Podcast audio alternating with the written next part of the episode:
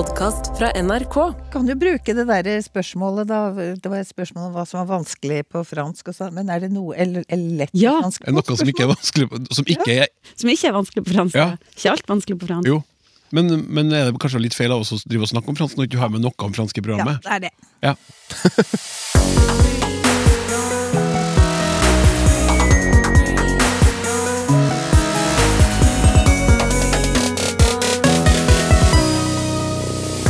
Hva i alle dager betyr hulsalig?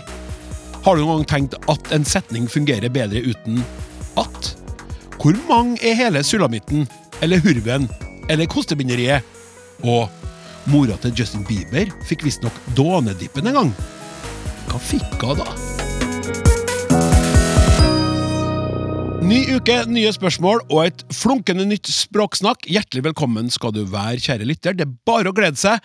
Det enkle er ofte det beste, som det heter i slagordet. Ikke alltid, sier vi, men her og nå stemmer det temmelig bra. Du sender inn spørsmål, jeg leser dem opp, og ekspertene svarer. Har du noe du lurer på om språk og eller et innspill til oss, tast det ned og send det i retning snakk krøllalfa.nrk.no, eller som SMS til 1987 med kodeordet snakk. I novembers eh, siste episode av denne sjeldne språkblomsten i norsk radio- og podkastflora, så har vi fått storfint besøk av følgende trekløver. Anne Dahl, Institutt for språk og litteratur ved NTNU. Hei. Velkommen. Takk. Ja, hei! Hei. Bra, ja. Hei, hei. Ellen Andenes, Institutt for språk og litteratur, NTNU. Ellen, fint å se deg igjen. Hei, hei, fint å være her igjen. Ja, Og så har vi Hemming Strømholt Bremnes, Institutt for elektroniske systemer, NTNU. NTNU. Velkommen, Hemming. Takk for det. Du har skifta beite, du, leser jeg her. Institutt for elektroniske systemer, gitt. Ja, jeg har begynt å jobbe i et sånt eh, språkteknologiprosjekt, som faktisk er et samarbeid med NRK også, eh, som heter Scribe, der vi jobber med å forbedre taleteknologien for norsk. da. Sånn at, eh, og da er det jo sånn at eh, norsk har jo en, noen sånne problemer som ikke andre språk har. F.eks. at det er ingen som snakker sånn som vi skriver. Eh, sånn at du skal få, noen, få datamaskinen til å gjenkjenne hva folk sier, Describe. for eksempel. Ja, nettopp. Så spennende, da. Ja, og så videre. Så det er nå det. Og så bruker jeg også litt sånn der eh, De her eh, si, maskinlæring, kunstig intelligens-greiene som vi, man bruker for å lage denne teknologien, da, er jo Man vet jo egentlig ikke hvordan den fungerer, så det vi prøver er at man bare putter ting inn, og så kommer det ting ut, men hva som, hva er det egentlig som skjer? Så egentlig, så vi tenkte å prøve å se om det går an å bruke noe mer sånn språkvitenskapelige verktøy for å forklare det. da. Det der høres veldig spennende ut, og det er jo noe vi burde Vi må, vi må sette av litt tid en gang senere til å snakke mer om det. Men her og nå så har vi jo masse spørsmål vi skal prøve å rekke gjennom, så jeg foreslår bare at eh, tekniker Martin Våge kjører en jingle, og så er vi i gang. Hei, og takk for et fint program. Det kan hende dette har vært tatt opp før, men jeg grøsser når jeg leser setninger som dette. Det visste hun at ville skje. Savnet hun ikke visste at lå der. Må at være med. Det flyter så mye bedre uten. Vennlig hilsen Sissel. Jeg må bare si til Sissel og til deg som hører på, det er jeg som legger inn Sånn, det, det ikke, Sissel har ikke skrevet på den måten her. Hvis jeg skal scribe noe, hvordan skjønner du, så jeg opplever teksten som den står. Det er ikke utheva på noen sånn måte. Jeg bare føler med Sissel.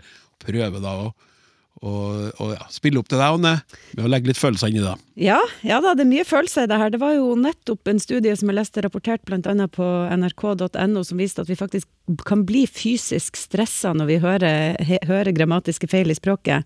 Så sånn sett så, så er det ikke så rart om hun grøsser. Eh, men spørsmålet er jo selvfølgelig da om det her tilfellet som hun skriver inn om, er feil grammatikk.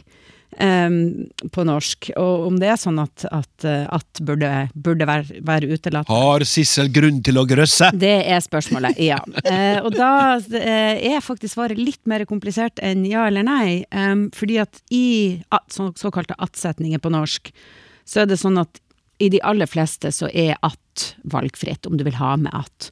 Så du kan si eh, hun visste at han ville være der, hun visste han ville være der. Det er ikke noe sånn stor forskjell på dem. De fleste av oss syns at det går bra med og uten. Um, så hvis vi flytter på denne at-setninga og plasserer den et annet sted i setninga, så kan det hende at at må være med. Så for eksempel, at han ville være der, var jeg sikker på.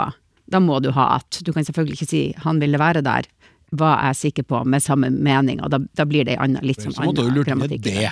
Ja, det Han ville var være der, det var jeg sikker på. Nemlig, og da er plutselig ikke det i attsetning lenger. Så, så i utgangspunktet så stort sett så er det helt valgfritt, noen gang må du ha med at.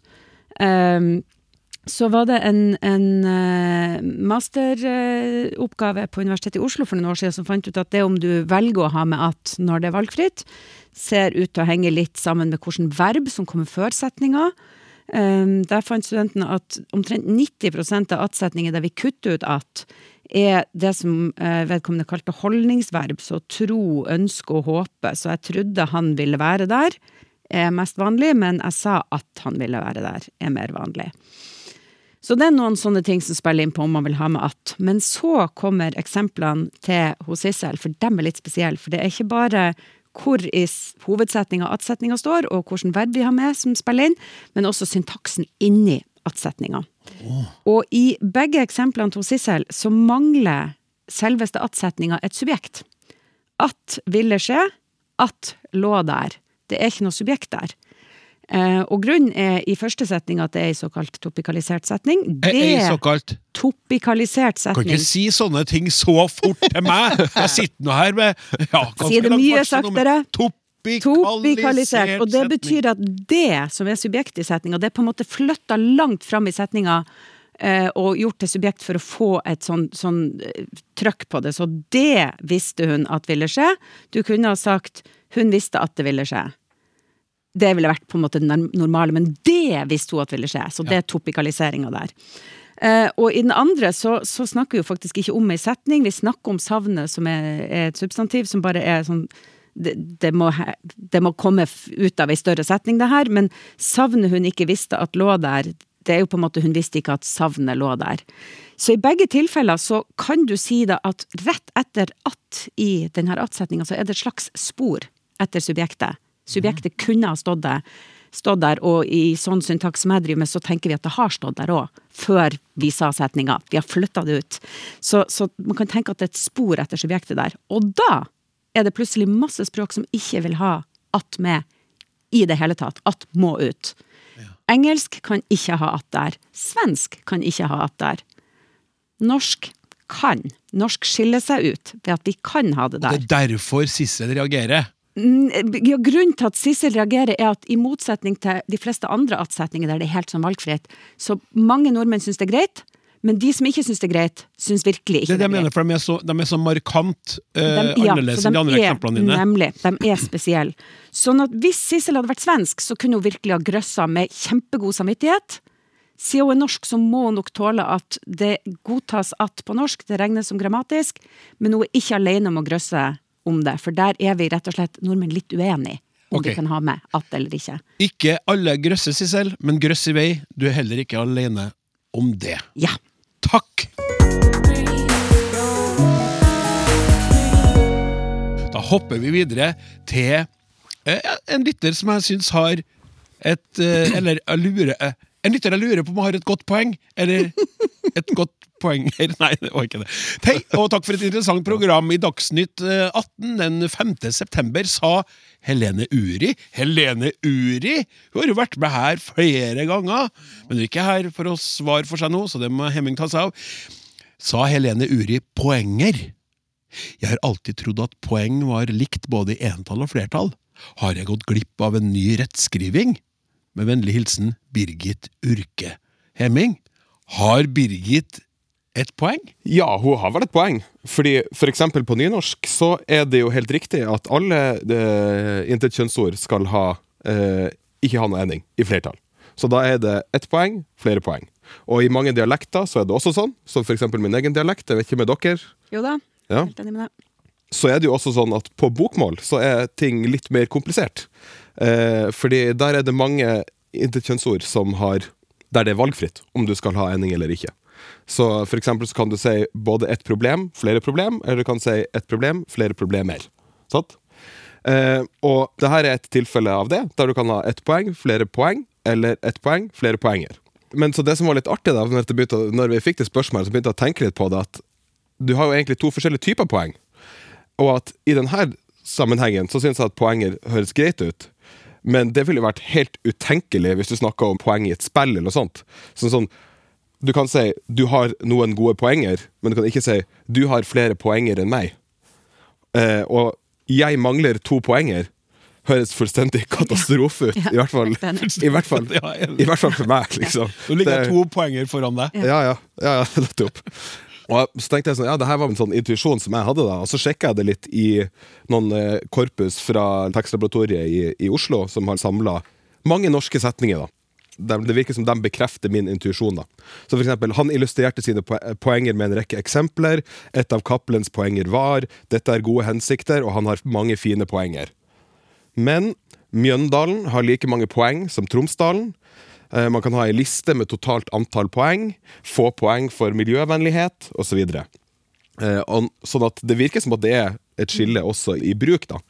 Eh, og når det er sagt, da, så finner vi også poeng uten ending i den betydninga si, han har noen gode poeng. Eh, men i det korpuset som jeg så på, da, så er det allikevel de gangene når det er snakk om poeng uten ending, så er det stort sett alltid liksom en slags implisert poengsum. Og det som er viktig, er at det går aldri andre veien. Sånn at det er svært få eksempler på poenger brukt om poengsummer. Ja. Uh, og det Det er jo et godt poeng. Ja, det er et godt poeng. Det er et godt poeng. Det jo det. Eh, og med hva det skilles, det, det vet jeg ikke, faktisk. Så det må kanskje noen, eh, kanskje noen prøve å undersøke litt senere. Uh, men jeg tenker at det henger sammen med det her med at du har liksom to betydninger av det samme ordet. Da. Og at altså Hvis du slår opp i bokmål og nynorskboka, så får du bare to punkt. Hvis du slår opp i Norsk Akademis ordbok, så får du liksom flere underpunkter på de, på de punktene. Så du får liksom 1-1 og 2-1 osv. Ja. Men allikevel så er det to, eh, to ulike betydninger, da. Der det er regnenhet brukt til måling og gradering, eller et sentralt moment i en argumentasjon. Ja. Og de her betydningene har jo egentlig ingenting med hverandre å gjøre. Sant? Så det kan hende at det oppfattes som to forskjellige ord, og derfor kan man også bøye dem forskjellig. Og sjøl om det skulle oppleves som en sammenheng mellom de to ordene, så er det jo ikke utenkelig at man har, kan ha forskjellig bøying for det. Fordi for eksempel eh, så kan du ha en måte grammatikk som skiller mellom betydning. Så for eksempel eh, forskjellen på én øl og ett øl, der én øl er drikkeenheten, mens det andre er stoffet. At ett øl er stoffet. Eh, men det her er som sagt spekulasjon, så eh, må, kanskje noen må undersøke det. Jeg vet ikke om det blir meg, men det kan kanskje noen andre. Ja, det var spennende. være. artig. Og da hadde jo Birgit definitivt et poeng med spørsmålet sitt også. Tusen takk. Og nå kikker jeg bort på deg, Ellen, øh, for det her er da fra Gro i Hammerstad som skriver Hei! Kort innpå, hva betyr hulsalig? Hvor kommer det fra? I hvilke sammenhenger brukes det? Har googlet forgjeves. Og det er jo det som jeg er så glad i med språksnakk. Det her eh, fra poenger til hulsalig, liksom. Det, det er sånn, så, sånn vi holder på. Og du har uh, sjekka litt, uh, Ellen. Ja, takk til Gro, for dette var jo Altså, dette ordet Jeg ble jo helt hullsalig. Ble jeg. Ja. Så hva betyr det? Det er ikke alltid så lett å finne ord på Google. Eh, Det må jeg si, ordbok er bedre, så let i ordbok. Men så er det jo også det at man må helst ha riktig skrivemåte. Både bokmålsordboka og Den norske akademis ordbok har ordet hulsalig skrevet med to l-er. Gro hadde bare med én. Ja, og derfor så er jo hulsalig og ikke hulsalig. Ja. Nettopp. Så det er litt, kanskje litt mer riktig å si hullsalig, da.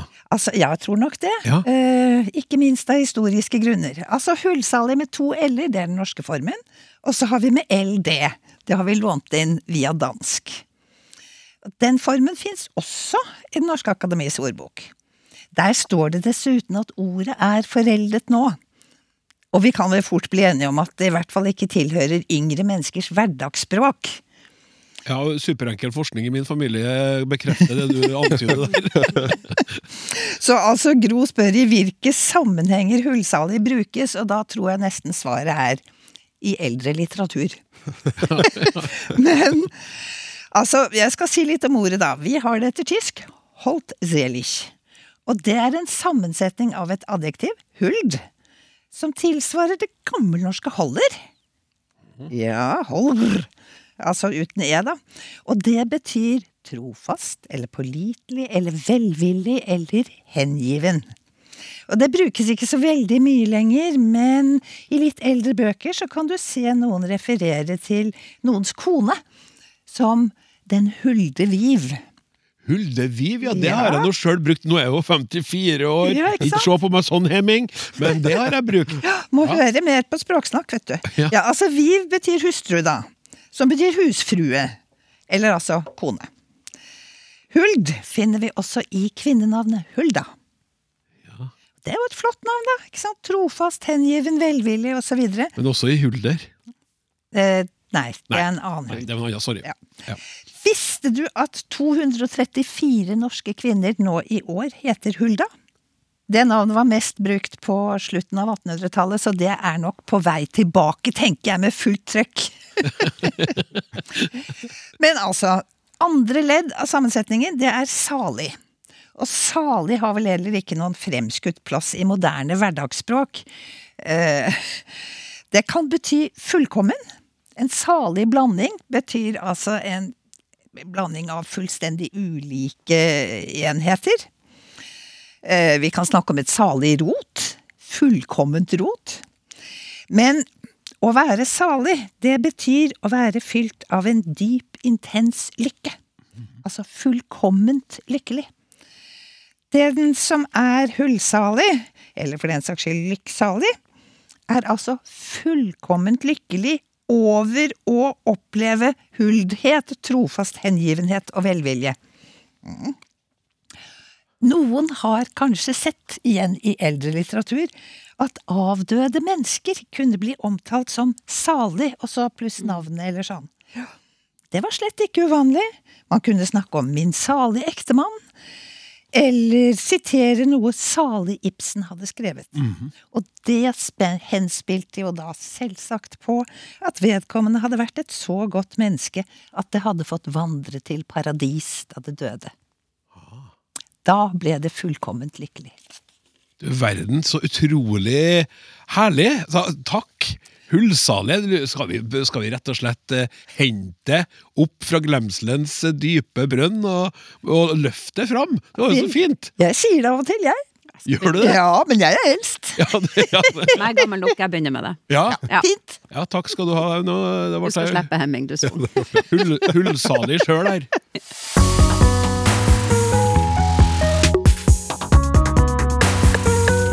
Hvis du var i tvil, du hører på Språksnakk. Dagens ekspertpanel består av Anne Dahl, Heming Strømholt Bremnes og Ellen Andenes. Vil du bidra, skriv til snakk krøllalfa sier vi ganske enkelt nå. Og det har, og gjør mange, har mange gjort, og det gjør mange herlig.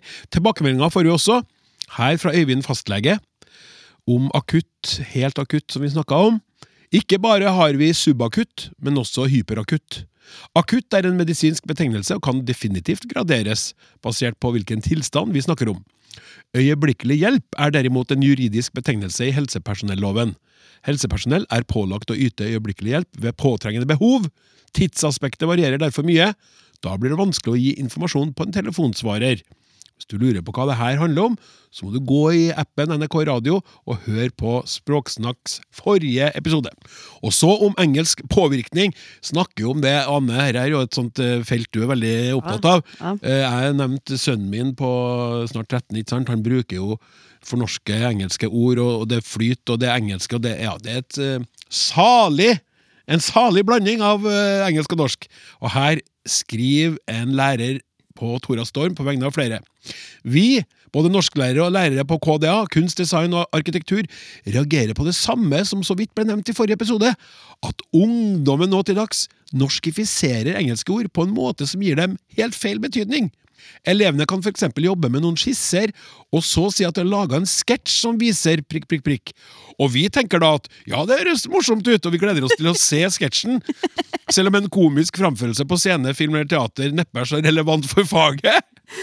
Og, og vi reagerer særlig på at elevene i stedet for relevante fagord som forenklet eller minimalistisk bruker ordet simpelt, noe som vi voksne oppfatter som dårlig eller billig.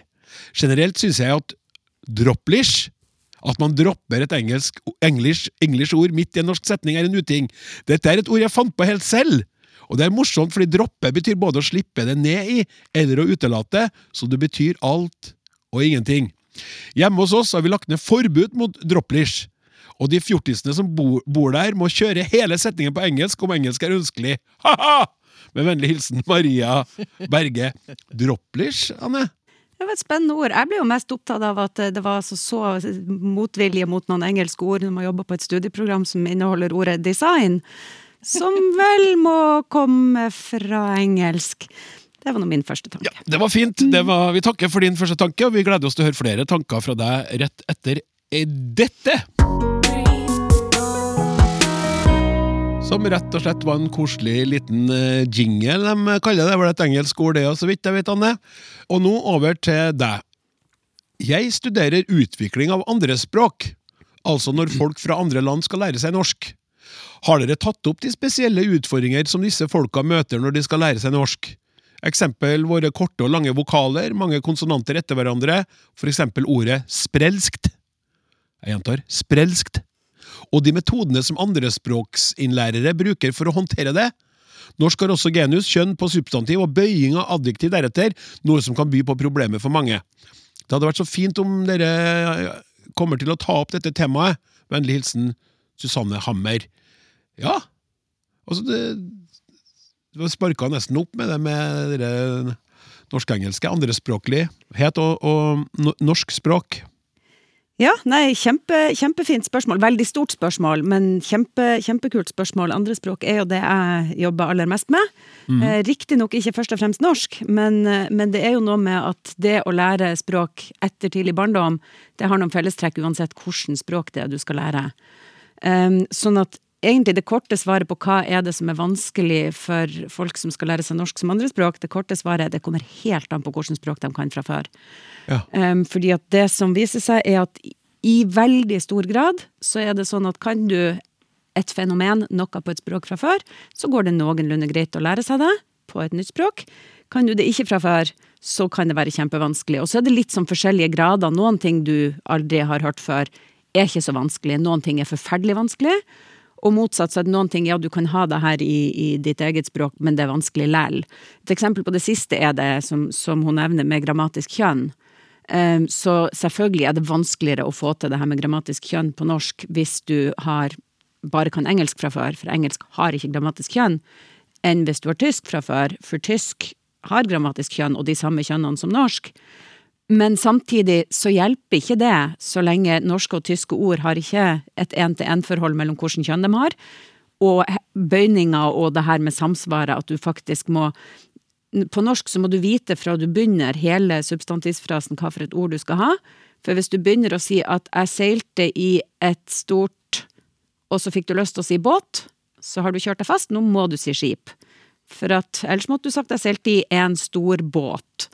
Um, så det er, og det er liksom vanskelig uansett. Hvordan er det med sånn, uh, sånne språk fra Asia, Midtøsten og sånne ting? Det må jo være enda mer Eller er det, ja, det mer med deg? Det er, akkurat, det er akkurat der det er sånn at som regel så er det jo sånn at jo mer forskjellig fra norskspråket er, jo vanskeligere er det da å lære seg norsk. Fordi at jo færre ting vil være likt. Så det ser jo vi. Jeg ser jo stadig vekk nye kolleger som kommer fra utlandet og skal lære seg norsk eh, på jobb hos oss. De som har tysk som morsmål, dem går det generelt ganske fort med. For det er såpass likt norsk. Mm. Eh, men jo lenger borte du er, jo, altså, jo lenger borte språket ditt er, jo vanskeligere kan det være. Men så kommer det også an på helt spesifikke ting, da. Eh, for uh, hun, Susanne her, hun nevner jo også det med korte og lange vokaler. Uh, ja, det kan være kjempevanskelig. Det er jo det som ofte markeres, det er forskjellen på hulsalig og hullsalig. Da. Altså, vi markerer jo ofte korte vokaler på norsk med en lang, med en dobbel konsonant. Jeg har en kollega som heter Ane, og så heter jeg sjøl Anne. For oss som har norsk som morsmål, så er det to vidt forskjellige navn. For veldig mange av våre utenlandske kollegaer så er det nøyaktig samme navn. Ja. Eh, så vi går mye under etternavn på jobb. Men hvis du har finsk, som jo er veldig forskjellig fra norsk, eller thai som morsmål, så kan det hende det går helt greit, for de to språkene har også et sånt skille mellom korte og lange vokaler. Ja. Akkurat sånn som norsk har, men som ikke de fleste språk, så vidt jeg har forstått, det er ikke mitt ekspertområde hvor mange språk i verden har korte og lange vokaler, men jeg har forstått det som det er ikke supervanlig. Eh, men thai-finsk har det, og da vil du ikke ha et problem. Så, så det, som, det som er vanskelig på norsk, først og fremst, er det som er sjeldent. Og da er det i lydsystemet, så er det først og fremst eh, kanskje den herre sj-lyden. Eh, der er vi jo litt greie å holde på å fjerne det skillet. De fleste ungdom nå eh, Ungdommen har tatt ansvar! Det har de. Og det som er interessant med lydsystemet, er at en ting er at det er vanskelig å lære å produsere det, og produsere riktige lyder, men det kan også være vanskelig å oppfatte og høre forskjell på lyder. Fordi at vi er født som mennesker med evne til å skille mellom, høre forskjell på alle mulige språklyder i alle menneskelige språk, og den evnen begynner å forsvinne allerede i første leveår. Sånn at du skal ikke så veldig langt inn i livet før du faktisk ikke hører forskjell på det. Sånn at veldig mange med andre morsmål hører ikke forskjell på i og y, for det er y en veldig uvanlig eh, vokal i verden. Ja. Eh, eller en ganske uvanlig. Akkurat y-en vår er veldig uvanlig, og den typen lyder er vanskelig. Så er det mange som sliter med y og u, for det er i alle fall veldig uvanlig å ha to lyder som er såpass like som y og u tysk og fransk har en sånn u-aktig lyd, men de har ikke to forskjellige som er to forskjellige ting. Nei. Um, og så hjelper vi dem ikke da med at vi har denne u-lyden som ikke så mange har, og så har vi lagt til U-lyden. U-lyden, ja, syns, mange utlendinger syns den er en ulyd. Ja. Og, så har vi, og, og noen syns den er vanskelig å skille fra o. Så OU er vanskelig, og så hjelper det ikke at de fleste europeiske språk bruker det vi kaller bokstaven U til å stave O og så bruker de det vi kaller bokstaven O til å stave Å. Men nei da, vi har lagt til en annen bokstav for Å. Men så bruker vi av og til O til å stave Å. Og så bruker vi av og til U til å stave O, så det heter lukk og lukke med U. For ikke å snakke om at med O så kan vi ha akkurat likt stava ord som uttales med O eller Å, så vi har en sort, og så har vi en sort kjole. Sort og sort. Akkurat likt, forskjellig lyd. Så der eh, kan det være Blir nesten svimmel sjøl, jeg. Jeg, jeg syns det er rart at jeg i hele tatt klarer å formulere meg på det språket. Hva du kan, Klaus. Hva du kan. Ja. Nei, og det er, jo, det er, jo, noe med det der at vi som var så heldige å få det når vi var bitte små, og, og var de talentfulle språklæringsmaskinene som små barn er, vi fikk det på plass. Eh, og jo flere, jo flere språk du får mens du er så liten, jo bedre er det. Men det som eh, Hun spør jo også litt om sånne strategier eh, mm. for å lære, og der tenker jeg at, og særlig hvis man da eh, er, er norsklærer for eh, studenter, elever som ikke har norsk som morsmål, noe av det viktigste man kan gjøre når man skal begynne å lære et nytt språk, og som læreren kan hjelpe med, er nettopp å lete etter likheter med sitt eget språk. Er det her noe som du har på ditt eget språk? Er det her noe som kan hentes ut? Fordi at det er nesten ingenting i noe språk i verden som ikke finnes i et eller annet språk der ute. Um, så det å, å, snakke om de tingene, prøve å lete etter, eksempel da vite at du skal ikke si ja, dette med korte og lange vokaler, det er fryktelig vanskelig og sært for norsk, hvis du faktisk står foran en gjeng med folk som snakker thai. Mm. Eller finsk. Eh, så, og, og det å, og som språklærer sette seg litt inn i språkene til elevene sine Man kan selvfølgelig ikke kunne alt, men hjelpe dem til å finne ut hvordan er det her likt og forskjellig som ting jeg kan fra før. Mm. Det er en sånn kjempebra strategi for å få til ting. For da kan man sette inn fokuset på det som er kjempevanskelig fordi man ikke kan det fra før. Ja. Eller uansett, som grammatisk kjønn. Og så har jeg jo sett en del, sånn, får sånn en del språksnutter på um, sosiale medier. Og det er jo en del utfordringer også med andre språk. Det må jeg si, Hvis jeg skulle ha lært meg det er noen eksempler på ord som er så like, så, så sier de hva betyr det på, ikke sant, hva er det på polsk, for eksempel, hva er det og det, og så setter de sammen en setning med det, og så blir det jo helt ja. Vilt merkelig. Ja. Sånne ting. Så ja, det er nok utfordringer ja, også. Det, og det er akkurat det var litt gøy, bare for at du kom inn på polsk. For det, som sagt, det, for det finnes ingen vanskelige språk å lære. Sånn absolutt sett. Det er ingen språk som er lettere eller vanskeligere. Det kommer helt an på hva du kan fra før.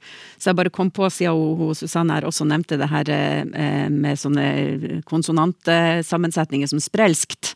Ja. Um, det er jo også kjempevanskelig hvis du kan japansk fra før. Fordi at på japansk så liker de å ha vokal, konsonant, vokal, konsonant rett frem. Hvis du har polsk som morsmål, så spiser du langt verre konsonantkombinasjoner til frokost enn en liten sprelskt. Det er din minste kunst. Jepp.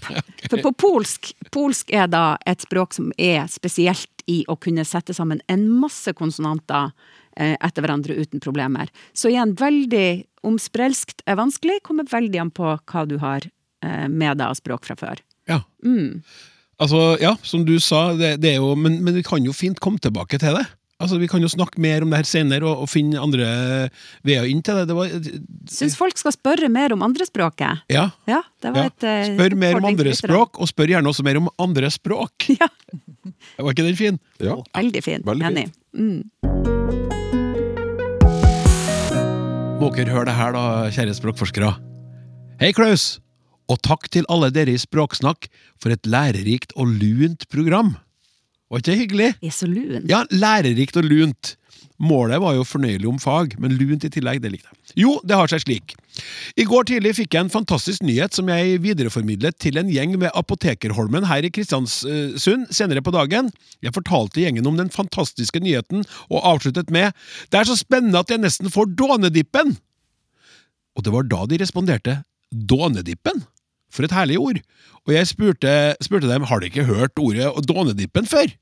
Og alle de tre gjeng- gjengen svarte nei. Og de er alle over 60 og født og oppvokst i Kristiansund. Jeg er i 50-årene og fortalte at jeg er vokst opp med dette ordet, og de spurte meg om ikke dette ordet kunne være oppkonstruert i min familie, men altså, selv om min mors familie Bjørlos har kunstneriske gener, så tror jeg ikke at ordet dånedippen er kommet fra oss. Så Klaus og dere andre språksnakk, vet dere hvor ordet dånedippen kommer ifra? Nå venter jeg i spenning om dere kan svare meg ja, jeg får nesten Donnedippen! Vennlig hilsen Randi Rasmussen Bjørlo.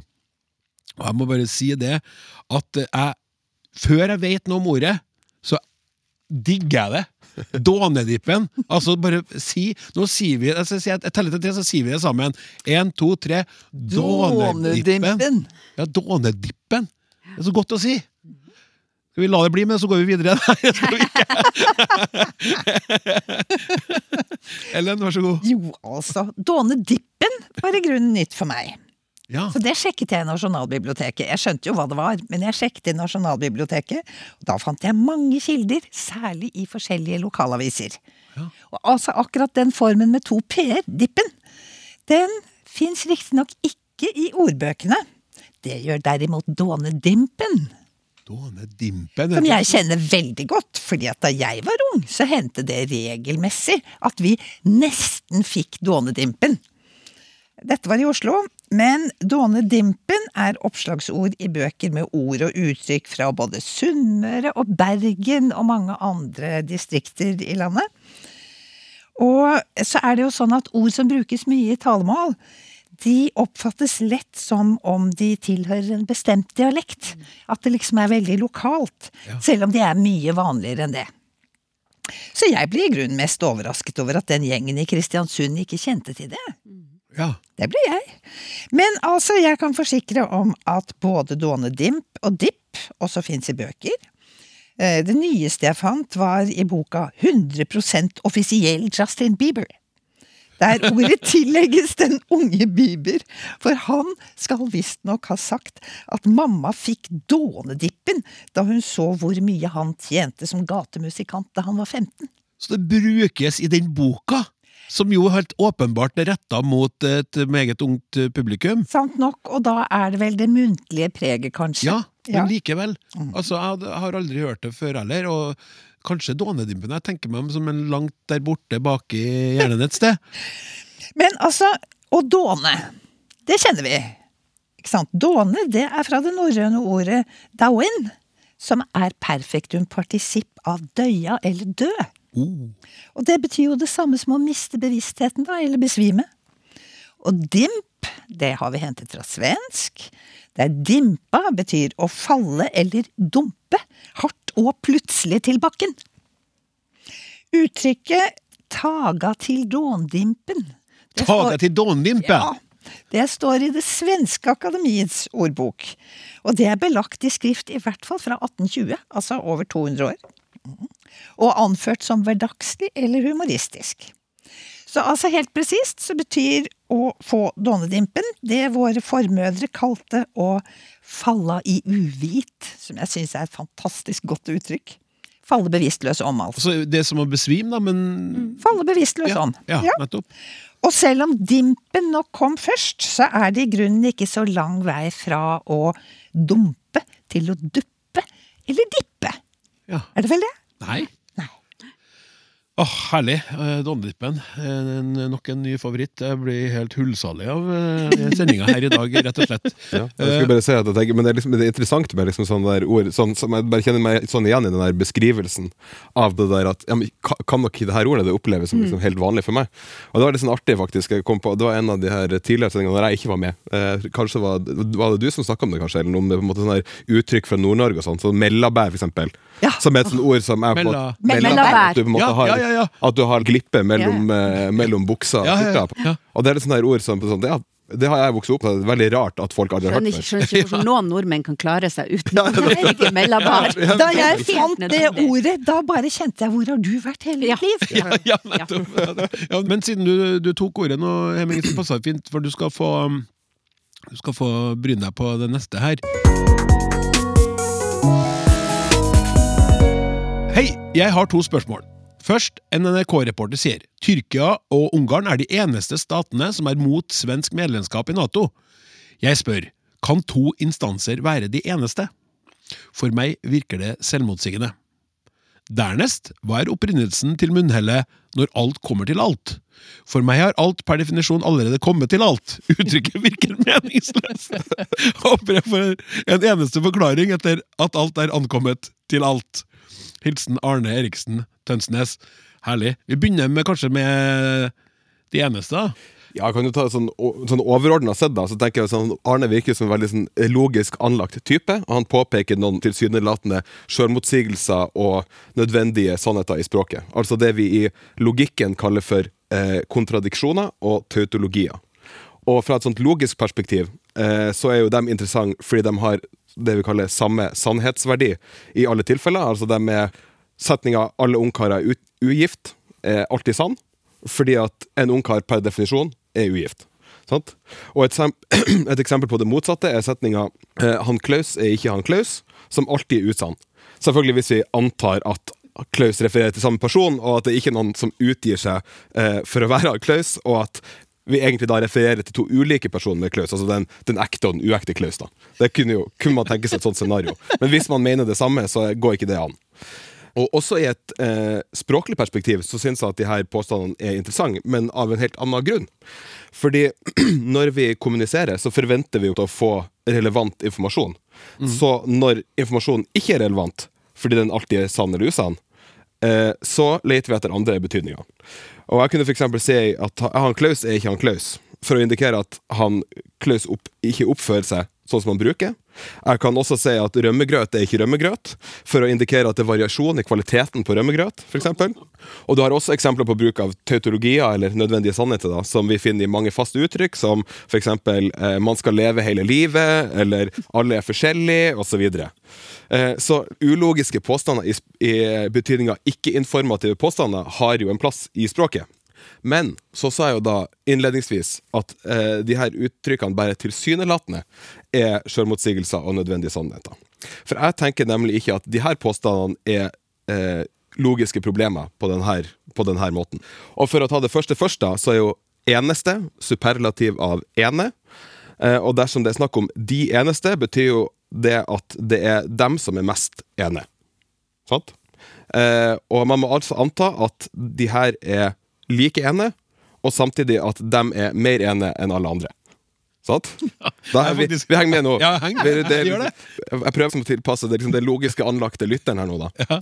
Uh, og hvis vi går ut fra ordboksdefinisjonen av ene som utelukkende, som vi jo har i uttrykk som f.eks. ene og alene, for eksempel, så kan vi kanskje tenke oss at vi kan utelukke alle andre fra en uh, gitt kategori, men ikke de her. Og I dette tilfellet er det jo snakk om land som er medlem i Nato, og som også er mot svensk medlemskap. Vi kan altså si at man er medlem i Nato og mot svensk medlemskap hvis og bare hvis man er Tyrkia eller Ungarn. Vi kan utelukke at man er alle andre land. Sant? Og det her tilsvarer jo i ganske stor grad, og er kanskje til og med logisk ekvivalent eh, med ordboksdefinisjonen av eneste som, som det ikke finnes flere av. Det finnes ikke flere enn Tyrkia og Ungarn som er medlem i Nato og mot svensk medlemskap. Og eh, eh, det som likevel er interessant, da, er jo at på engelsk så skiller man mellom eneste, avhengig av om det er en eller flere. Så der så ville man sagt sånn The single country, eller The only countries Ja. to deny Sweden entry, eller noe De sånt. har, de har det, vet du. Ja. Ja. Så, det kanskje, så det er kanskje ikke så rart at han Arne reagerer. Eh, det er jo nettopp ugrammatikalsk på engelsk, men altså ikke på norsk. Og hvis vi spekulerer litt, så ser vi jo at bare og eneste brukes tilnærma synonymt på engelsk, avhengig av hvor mange referenter det er. Men man kan ikke ha bare i denne konstruksjonen på norsk, fordi bare ikke kan modifiseres, altså endres på, av de. Så du kan, du kan ikke si for eksempel de bare statene som er imot svensk medlemskap i Nato. Det går ikke an i det hele tatt. Nei, det, det går ikke. Men når alt kommer til alt, da, så må vi vel se litt på når alt kommer til alt også. Og han, Det var litt noen spørsmål om opphav, og sånn, og det har jeg sett litt på både i Svenske Akademiens ordbok og ordbok over det danske språk, Norsk Akademis ordbok, Bokmålsboka osv. Og, så og det står egentlig ikke så masse øh, etymologi, men Svenske Akademiens ordbok henviser til et engelsk uttrykk 'when all comes to all', som jeg vel ikke kan komme på ha hørt noen gang på engelsk. Og den, Det og, kan jeg ikke si at heller nei, nei, og, Som ikke trenger å bety at det ikke fins, men det er nok ikke veldig Nei, men det, men det er gammelt, da. Så det, fra, fra, det her er fra liksom 1800-tallet. og. Men det jeg tenker det viser, da, er jo at det her er noe som det her er et uttrykk man har i flere språk. Og vi kan jo prøve å liksom enes litt om hva det betyr, og da kan vi jo eh, se til de her nevnte ordbøkene som jeg har slått opp i. da. Eh, og bokmålsordboka definerer det som etter at alt er sagt og gjort. Eh, Men jeg liker egentlig bedre det de i den danske ordboka så sier de 'når alle omstendigheter tages med i betraktning'. Eller Eller i den svenske 'når alt sammenreknes'. Eller 'overveges'. Eller 'blir utrett'. Eller Norsk Akademis ordbok 'når man ser det hele under ett, vurderer enkelttilfellene samlet'. Og det her viser jo at de her to altene de, eh, refererer på en spesiell måte. Eh, og mer spesifikt så viser det til at for hvert enkelttilfelle man undersøker, så er dette kommet til, eller sammenligna med, eller utreda med, alle de andre enkelttilfellene. Sant? Og grunnen til at det kan referere på denne måten, er at alle, det er en, eller alt, det er en kvantor, som er det faguttrykket vi bruker for ord som refererer til mengder. Og til forskjell fra andre pronomen, som gjerne refererer til en spesifikk ting i en gitt sammenheng, som eksempel eh, 'han er kommet til henne', så da kan vi anta at både han og henne refererer til spesifikke personer, mens kvantorer kan referere til mange ting i den samme konteksten. Og det her tillater oss å si noe om liksom, egenskapene i seg sjøl, og ignorere hvilke individer eller enkelttilfeller som har de her egenskapene. Og det her er jo nyttig i mange tilfeller. Nå var det jo valg i høst, f.eks., og valget er som kjent hem hemmelig. Men vi kan likevel si at mange stemte på Høyre, eller at færre enn forventa stemte på MDG. Og det er jo faktisk det som er relevant i denne sammenhengen. Når alt kommer til alt, så var det færre som stemte på Arbeiderpartiet Ja, eksempel, enn folk som stemte på Høyre. Ja. Men i Når alt kommer til alt, da, så handler det altså om å relatere individer til hverandre. Og også her brukes kvantorene til å uttrykke en egenskap ved det at man har ved det man har utleda eller tatt med i betraktning. Da. Så det er ikke så farlig hvilket enkelttilfelle man velger, fordi uansett det tilfellet man velger, så er det sammenligna med, med alle de andre. Og Derfor så mener jeg at egentlig er dette et svært logisk uttrykk. Det har til og med et matematisk korrelat i det som kalles den universelle relasjonen. Altså en relasjon over en mengde der alle elementene i mengden har en relasjon til alle de andre elementene. Eh, og Betydninga blir derfor at når man har undersøkt alle tilfellene i en sammenheng med alle andre, så kommer man til en gitt konklusjon, som f.eks. i den tilfeldige setninga fra Habit-korpuset fra Universitetet i Oslo. Når alt kommer til alt, vet vi egentlig ikke hva Kreml vil. Den universelle relasjonen, det liker jeg. Institutt for elektroniske systemer, NTNU. Ja. Det er der du holdt til for tida. Kva- Kvantor? Kvantor, ja. Ja, så herlig. Tusen takk skal du ha. Jeg har fått inn en eh, tilbakemelding her som er fin. Apropos veggedyr. Dyret kalles også sengetege, med fuge-e. Derimot heter det rovtege, bærtege, stink, stinkdege osv. uten fuge-e. Men når det ikke heter eksempel rovetege, er det kanskje fordi en har tradisjon for navn som rovdyr og rovfugl uten fugé, skriver Pål Jensen. Men nå skal vi over til et spørsmål til deg, Ellen. Fra Knut Bjerkan. Har dere begrep om hvor mange er kolon? Hele kostebinderiet? Hele hurven? Hele sulamitten? Hvor stammer ordene ordbruken fra? lurer Knut på. Ja, altså nå får du hele, hele sulamitten. Du skal svare på, du skal svare på alt. Ja, det liker jeg så godt. For sånne uttrykk, de er vel nå utrydningstruet. Så det fortjener absolutt en plass her i Språksnakk. Det mener jeg. Altså, Knut, du spør om vi vet hvor mange det er i en hurv eller et kosespinneri eller en sulamitt. Og da er nok svaret nei, det vet vi ikke. Og jeg tror ikke det går an å vite det heller, bortsett fra at det må nok være mer enn tre. Fordi alle sammen betegner en ansamling av et eller annet slag, og da må det jo være over et visst antall, da. Men hvor ordene kommer fra, det skal jeg med glede si noe om, for dette syns jeg er ordentlig gøy. En hurv først. En hurv er en uordnet flokk. I Det norske akademiets ordbok står det at opprinnelsen til ordet er uviss. Men da gikk jeg til min gode, gamle etymologiske ordbok fra 1903 til 1906, nemlig Falk og Torp. Og de skriver at det hører sammen med det svenske dialektordet hurva, oversatt med uordnet hop, og det danske dialektordet hurl. Hurl? Hurl, ja. Hurl, ja. Og det er en klynge korn på marken som vinden har slått ned i alle retninger, altså se det for dere. ja. Falk og Torp viser også til det norske, norske ordet horg, som igjen har med uorden å gjøre, og det er noe med uorden her, altså. Og horge kan bety å raske sammen noe. Og i bind fem av Norsk ordbok så finner vi også både hurv og horg i dialekter fra mange steder i landet. Så det var, eh, det var hurven. Hele hurven. Ja. Men så Kostebinderiet.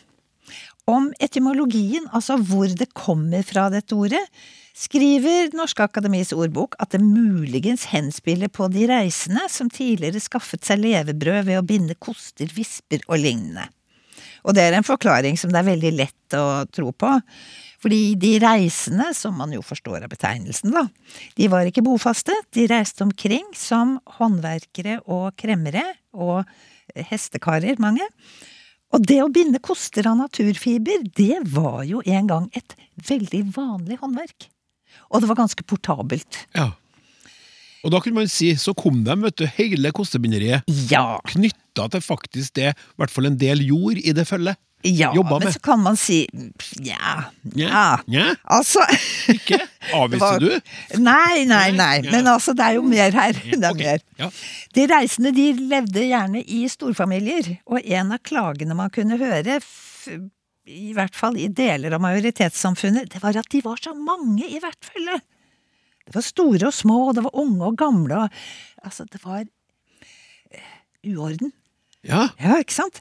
Og på tross av at det var mye dyktige håndverkere, og selvfølgelig veldig nyttig med kremmere i en tid da det var mildt sagt lang vei til butikken, så ble reisende, særlig gjennom arbeidet til Eilert Sundt, stigmatisert voldsomt som uordentlige, verdiløse og skadelige for samfunnet. Ordet fantefølge ble brukt med veldig negativ klang. Det står ikke lenger i, eh, i norsk ordbok. Nei. Eller bokmålsordboka, nynorsk ordboka. Og igjen, altså, uorden er stikkordet. Og det som er et veldig viktig poeng her, det er at eh, de reisendes livsform, den hadde jo sin orden, men den kom i konflikt med samfunnets orden. Ja, men altså, det der, er noe, det der står ikke imot det som jeg sier. Jeg tenker at det, det er nettopp det altså, For du mener at, ikke, at kostebinderiuttrykket ikke kommer fra den gjengen med Jo, jo, jo, jo da! Ja, jo da. da. tror jeg du misforstod meg litt. For Ja. det, var, det var sånn jeg mente. Jeg mente ikke som noe negativt, men at man sa sånn, så kom de, vet du, hele kostebinderiet, da med det her følget. Men jeg ville ikke kalt dem selvfølgelig nå, da, fantefølge, eller hva det du sa, men kanskje den gangen med de fordommene som det var lov til å ha, dessverre, der ute i samfunnet, som var vanlig og gjengs. Mm. Så, så var det sånn, da. Ja, altså den ble jo nærmest innført fra, fra, fra øverste hold i Ja. samfunnet. Ja. Jeg syns jo det her var litt interessant, for et sånt ord som fantefølge, som jeg av forskjellige grunner har brukt en del, det har det jo blitt snakk om i det siste, at man faktisk bør unngå og, Ja. og fanteri og sånn, at det Ja. faktisk ikke er så fine ord å bruke. Eh, hvis man er gidder å bry seg om ordbruk, og det gjør jeg. Da begynner jeg å lure på om jeg kanskje også burde faktisk unngå kostebinderi, da, hvis det faktisk har en opprinnelse som stigmatiserende mot noen. Det hvert fall verdt å tenke på. Det er verdt å tenke på. Jeg tror kanskje ikke det, fordi at det ikke Altså, det assosieres ikke så mye med de reisende. Det ble veldig fort generalisert, Mm. kostebinderiet. Fordi at det var jo ikke sånn at alle reisende drev og bandt koster. Virkelig ikke. Nei. Det var, det var, det var det jeg reagerte på. Det var Ja, der vi ja, nettopp. Ja, men det var fint vi fikk oppklart. Vær så god, fortsett. Vi har vel, eh, vi har vel en liten sulamit vi skal innom òg. Ja da, for altså da har vi fastslått at kostebinderi og hurv betegner altså ansamlinger som er i uorden i betrakterens øyne, da. Ja. Ikke sant. Men så var det sulamitten. Og sulamitten kom fra et helt annet sted, nemlig fra den hebraiske bibelen. Altså Det gamle testamentet. Fra høysangen der, Salomos høysang. Ja. Og det er en samling dikt, noen av dem ganske hete beskrivelser av jordisk kjærlighet mellom mann og kvinne. Ja, Eh, Ja, ja. Ja, og Sulamitt, eller Sulamitt, kommer inn i et dikt der det står Venn om, venn om, Sulamitt. Venn om, venn om, så vi får se på deg. Og denne sulamitten var altså en vakker kvinne fra byen Sjulam. Men så er det sånn Her har det skjedd mye. Ja. Her har det skjedd mye. Jeg skjønner mye. Fordi både jødiske og kristne tradisjoner har nemlig lest hele høysangen som et bilde på forholdet, ikke mellom mann og kvinne, men mellom Gud og Guds folk. Ja. Eh, Sånn at den vakre Sjulamit viser til menigheten. og derfra, ja, ta den du. Derfra har hele sulamitten fått betydningen alle sammen, eller hele hurven, om du vil. Og etter hvert også alt sammen. Det hele. I 1929, for eksempel i A-magasinet, så sto det om Eiffeltårnet at den sterke vind kunne blåse toppen av hele sulamitten. Mm. Hele greia, altså. Og forfatteren Stig Åkvik han skriver et sted at han må sjekke føflekkene, kulen under armen, ryggen, de verkende knærne, hele sulamitten. ja. Føflekker og verkende knær, det er ganske langt borte fra Salomos høysang, altså. ja. Og så, men så kan du også si da Ja da, ja da, jeg betaler for hele sulamitten! Det kan du. Ja. Ikke noe knussel. Ikke noe knussel. Ja. Så altså, dette ordet, det har fått en betydelig betydningsglidning, må vi kunne si. Og det er jo sånn, gjennom bruk i forskjellige sammenhenger, så får ord etter hvert nye betydninger. Og nå brukes nok sulamitten, hurven og kostebinderiet med omtrent samme innhold. Og sånn er det jo med ord. De tilhører også de reisende, som noen tar imot med glede, mens andre ergrer seg over. Ah, nydelig. Og sjøl er jeg veldig glad i hurven. Tenker på familien eh, min og alle ungene vi har greid å produsere etter hvert. Der kommer de hele hurven, sier jeg. Da blir jeg varm og, i hjertet. Vi hopper kjapt over til tre. Nei da, eh, tre. Trær. Skal vi se her. Sånn korthugd eh, e-post. Hei! Hør denne dialogen. Ser du de trærne? Ja, jeg ser dem. Hvorfor er det først de, og siden dem, når det er snakk om de samme trærne? Med vennlig hilsen Arne Eidshagen, Oslo. Fantastisk fint spørsmål!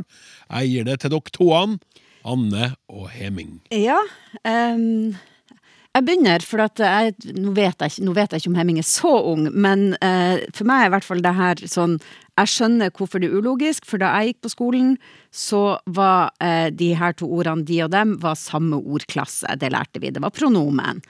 Um, så hvorfor i all verden skal de høres forskjellig ut? Eh, nå om dagen så har den norske skolegrammatikken oppdatert seg og er på linje med det som vi som nå driver med grammatikk mer sånn på heltid eh, mener, nemlig at de og dem her er eh, to forskjellige ordklasser.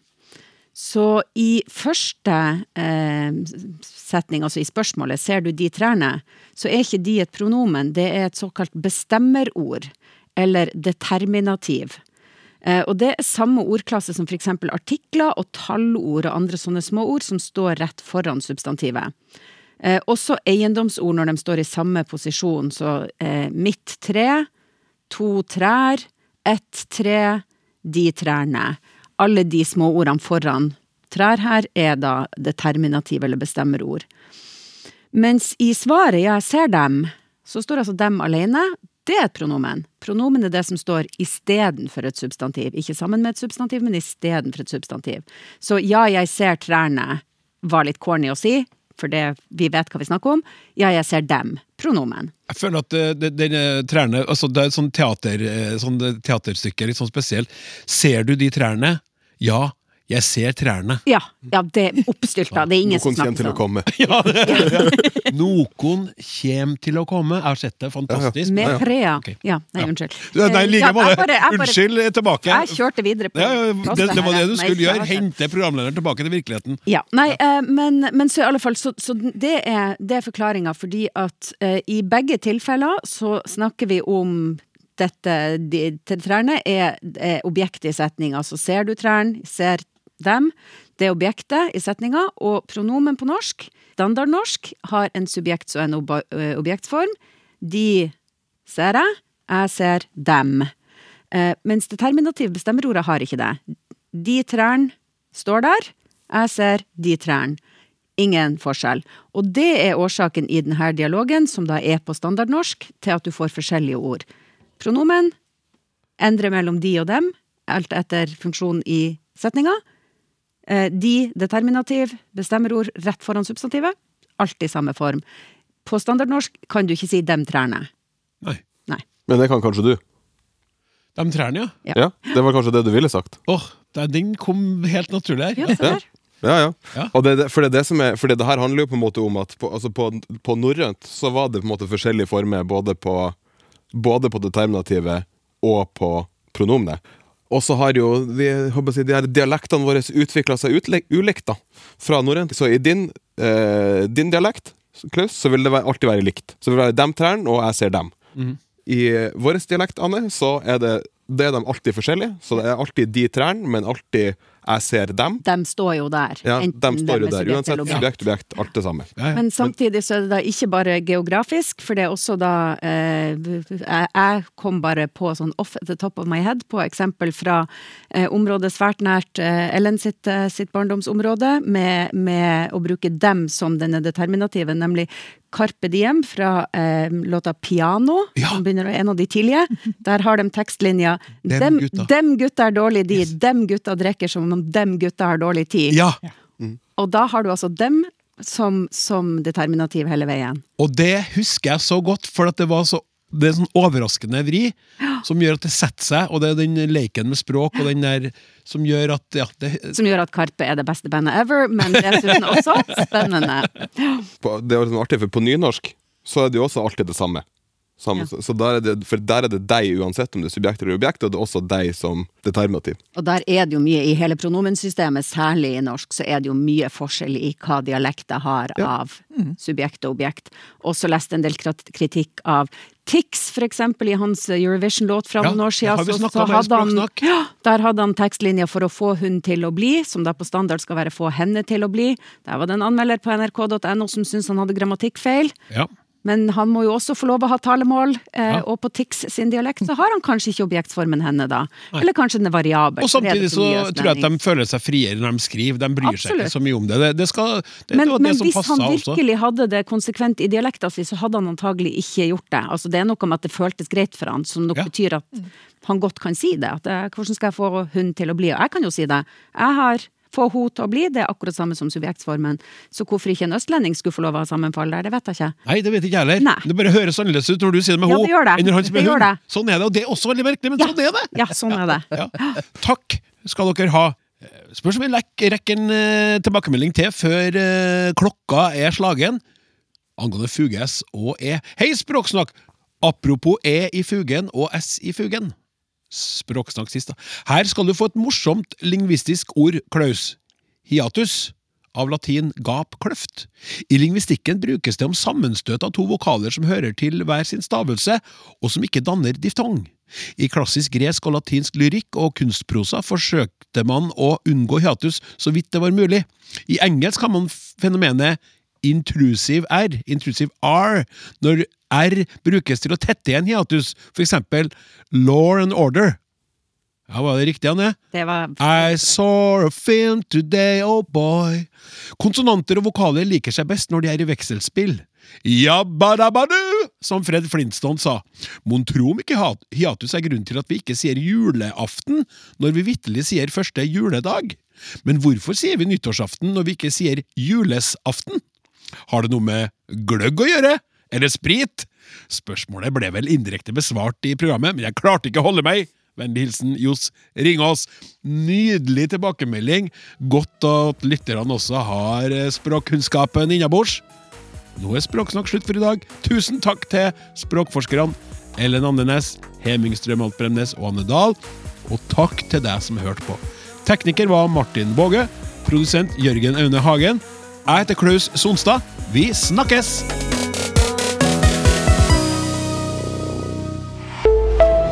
En podkast fra NRK. Over 9000 norske soldater deltok i krigen i Afghanistan. Da Vesten trakk seg ut, tok fundamentalistene i Taliban raskt over. Jeg heter Anders Hammer. Gjennom ett år følger jeg det nye Taliban-regimet og oppleve på nært hold hvor brutale de er. Stopp! Stopp, Stopp! Hør Taliban 2.0 i appen NRK Radio.